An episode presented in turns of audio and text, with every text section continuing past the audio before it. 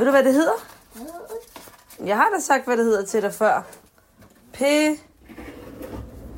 Pistachienødder. Pestis... Pesticider. Pesticider, ja. Det hedder det.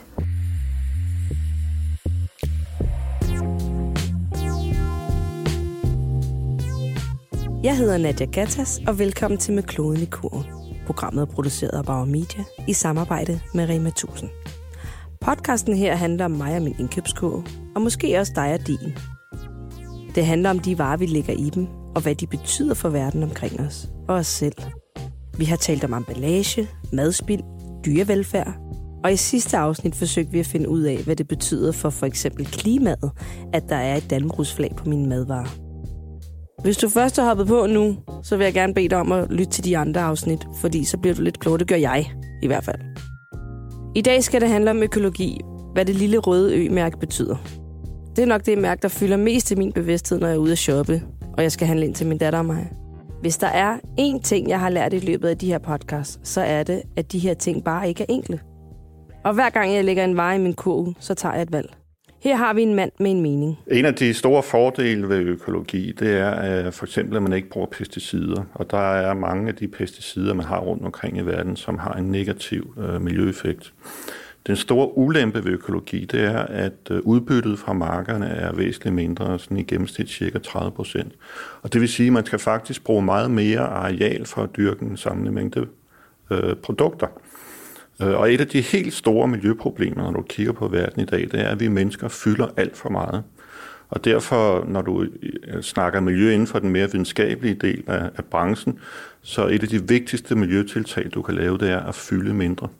Og der performer økologien ikke, fordi økologien øh, fylder jo meget mere end det konventionelle landbrug for at producere den samme mængde. Så det er den helt store miljøproblem med økologi, det er, at den fylder så meget. Og her har vi en kvinde med en anden mening.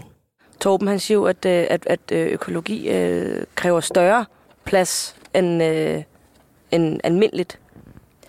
Det er ganske enkelt noget vrøvl, og der er ingen som helst evidens for det. Det er rigtigt, at hvis man sætter sig ned ved sit skrivebord, og så regner man ud, at en hektar økologisk hvede, den giver så og så mange tons per hektar.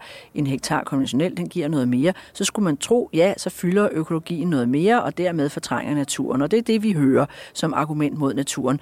Der er ingen som helst virkelige eksempler på, at det ser sådan ud. Fordi det, der er det helt centrale i det her, det er, at 80 procent af vores landbrugsareal går til foder til vores husdyr. 80 procent. Og det vil sige, at hvis vi bare har ganske få færre husdyr, så har vi også brug for nogle færre hektar. Og der er ingen beviser på, at det er sådan i Danmark, og der er slet ikke nogen beviser på, at det er sådan i den tredje verden, at økologi fylder noget mere, fordi udbytterne er mindre, men har bare en anden produktion. De er to vidt forskellige handlinger, og de handler begge to om plads.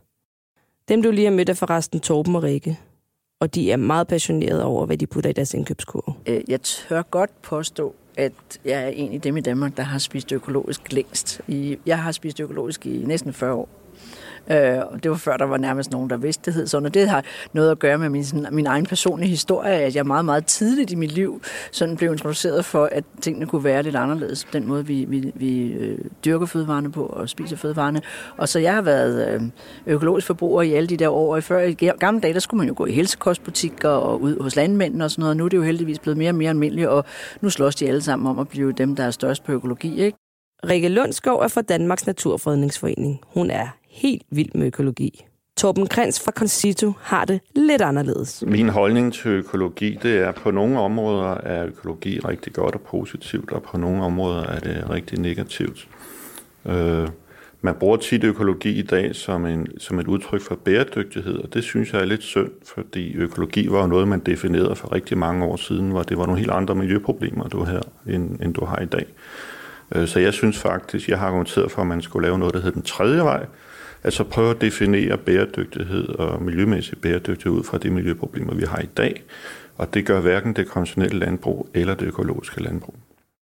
Torben går op i klima og hvordan vi bedst håndterer miljøet. Jeg kan mærke på, at han er meget skeptisk på økologi, og derfor så spørger jeg ham, om han ser rødt, når han ser det lille røde mærke. Nej, jeg ser ikke, jeg ser ikke rødt. Jeg, jeg er bare rigtig ærgerlig over, at, at, at du har en, en en, en så skal sige, gammel form for bæredygtighed, som økologien står for. Øh, der er sådan lidt maskinstorm over den. den. Den kan ikke lide de her forskellige tekniske øh, fremskridt, man kan lave. Øh, når de miljøproblemer, vi har i dag, de er så alvorlige, at der er behov for, at vi tager hånd om dem, så synes jeg, det er ærgerligt, at du udråber en produktionsform, som er defineret i 50'erne som, som den bæredygtige fremtidige produktionsform. Det synes jeg er rigtig ærgerligt. Han mener, at økologi er gammelt. En 50 år gammel måde at være bæredygtig på. Det er her, det bliver svært. Altså, jeg bliver jo sgu lidt forvirret, med, når jeg står der med min ja. supermarked. Hvad skal, hvorfor skal jeg så vælge økologi? Fordi økologi er en pakkeløsning. Der får du lidt af det hele. Øh, og det er det, der er det helt enestående, det er, at man ikke bare koncentreret sig om dyrevelfærd, eller om at give bønderne ordentlig pris, eller om naturen, eller om klimaet.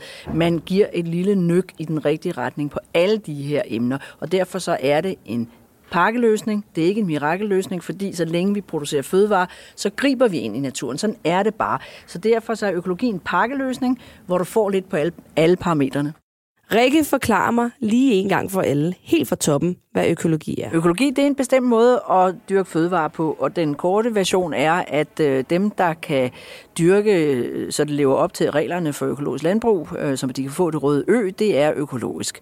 Der er nogle danske regler, der er nogle EU-regler, der er internationale regler, og det er jo sådan set dem, der sætter rammen for økologi. Og helt grundlæggende, så er det jo, at man dyrker mere i pagt med naturen, man dyrker mere i respekt for naturens øh, rytmer og det, den kan tåle. Og det vil sige, at det er ingen sprøjtegift, det er ingen kunstgødning, kun gødning fra, øh, fra husdyrene, og så er der det, at man har nogle flere afgrøder, man skifter imellem, sådan at man ikke lægger det samme pres på jorden år efter år. Så det er en blidere form for landbrug. Det er stadigvæk landbrug, vi får stadigvæk masser af fødevarer ud af det. Øh, og det viser sig jo også, at landmændene, de økologiske landmænd, det, øh, de tjener faktisk også flere penge på det. Så det er stadigvæk en produktionsform, det er stadigvæk et stort indgreb i naturen, fordi det er landbrug bare, men det er en blidere måde at dyrke vores fødevarer på. Det her det er svært for mig. Når jeg sidder med Torben, så er jeg overbevist, og det samme er jeg også, når jeg sidder med Rikke. Konflikten handler om plads. Og jeg tror ikke, jeg kan være dommer over, hvad der er rigtigt og forkert. Til gengæld er der andre ting at tage op, når vi snakker om økologi. Her kan vi måske også kun blive halvt enige. Jamen det du kan undgå ved økologisk, det tror jeg mere, hvis folk er bekymrede omkring pesticidresterne i, i, i maden, som helt klart er mindre, når man øh, snakker økologisk. Øh, og det er igen meget mavefornemmelse, fordi igen, hvis du tager sådan den etablerede videnskab, så siger de jo, at grænseværdierne er så skrabe, så det er ikke noget, man skal bekymre sig om sådan set. Der er nogle enkelte forskere, der mener, at grænseværdierne ikke er skrabe nok, men hvis du kigger på dem, der sådan sidder og vedtager, altså de store organisationer, vi har til at lave det her, VKO og andre, ikke, så siger de jo, at så længe de her grænser de er overholdt, så er du på helt øh, safe grund. Så det skal mere være et udtryk for, at du ikke rigtig stoler øh, på de her eksperter, der sidder. Du sådan har lidt andet ulent.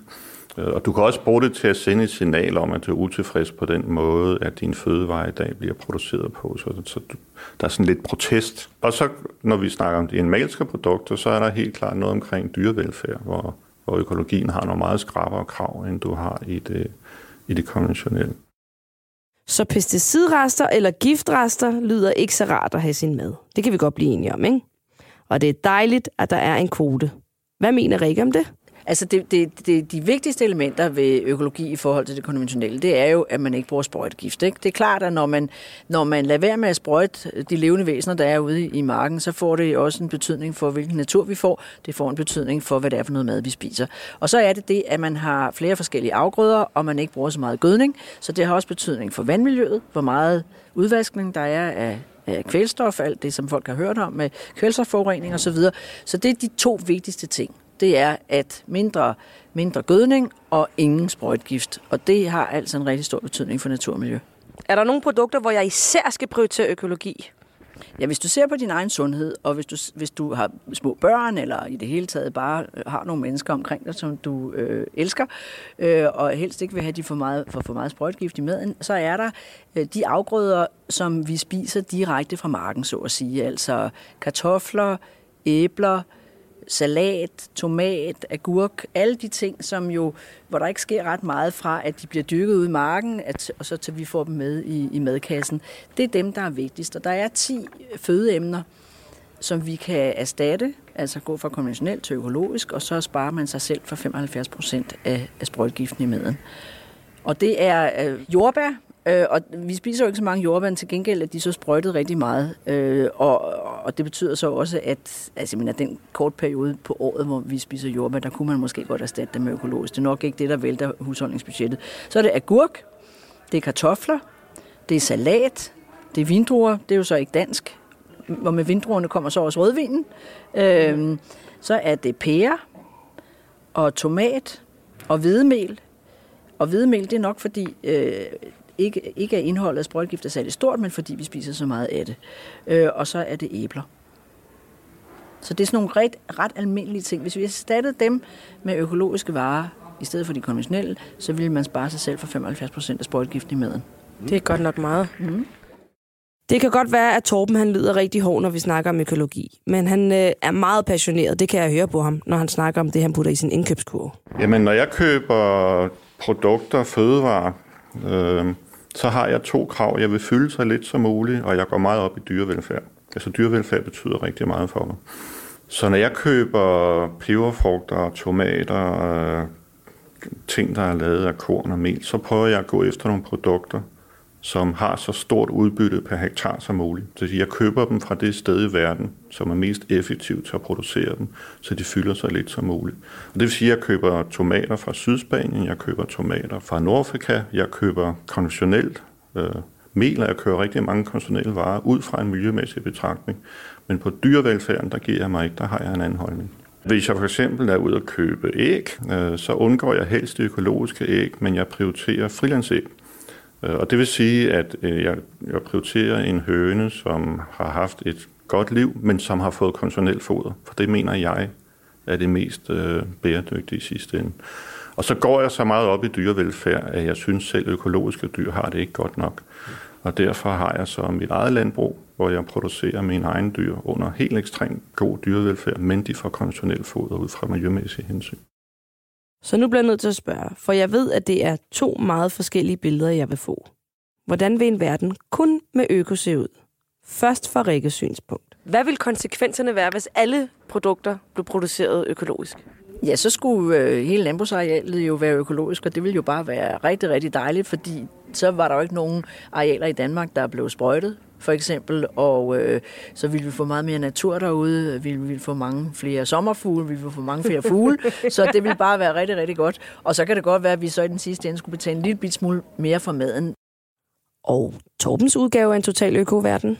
Det, det, det ville være ret negativt, med mindre folk helt holde op med at spise kød og mejeriprodukter. Altså hvis man kun spiste øh, grøn for eksempel, øh, så, så, så kunne det godt være okay. Men det er jo ikke rigtigt det, der er i scenarierne, at hele verden begynder at blive vegetar. Og det er faktisk en forudsætning for, at denne her økologiske verden, den, den kunne gå op i en højere enhed. Som du kan høre, er det to vidt forskellige scenarier. Og jeg gad godt at vide, om der ikke var en sidste ting, som vi ikke er blevet helt kloge på endnu, når det gælder økologi. Måske biodiversitet? Ja, altså der har jo været øh, både danske og internationale studier af det her. Hvad betyder det der med at gå over til økologi? Ikke? Og helt firkantet, så er der et tal, der hedder 30 procent. 30 procent mere natur, mere biodiversitet på de økologiske marker i forhold til de konventionelle. Det er sådan et helt centralt tal, ikke? Både forskellighed og antal, altså antallet af arter, altså flere forskellige arter, og flere forskellige individer, altså flere forskellige af hver art. Ikke? Så der bliver simpelthen bare mere liv på markerne. Rikke siger, at der kommer mere biodiversitet. Og du kan nok godt gætte, hvad Torben han vil sige. Jamen, hvis vi kigger på øh, øh, de miljøkrav, der er til økologi, så tager økologi for eksempel ikke hensyn til klima. Der er ingen klimakrav i økologi øh, overhovedet, og økologi den performer ikke særlig godt, når vi snakker klima. Vi kan også sige sådan noget som biodiversitet for eksempel.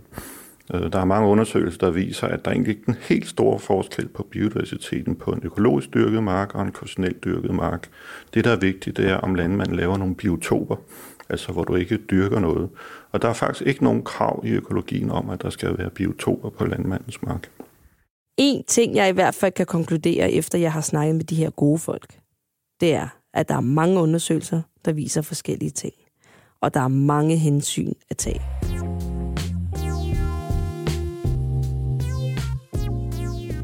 Det var podcasten for denne gang. I får lige en hurtig opsummering. Når du lægger øget i kurven, så vælger du en pakkeløsning. Der er færre pesticider, som kan komme i din og i familiens krop. Der er strengere regler for dyrevelfærd end konventionel landbrug.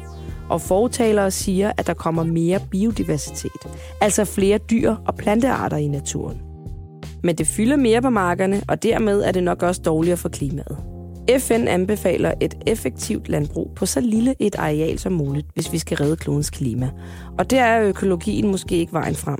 Som så mange andre gange er det altså et valg, og det er ikke et nemt et.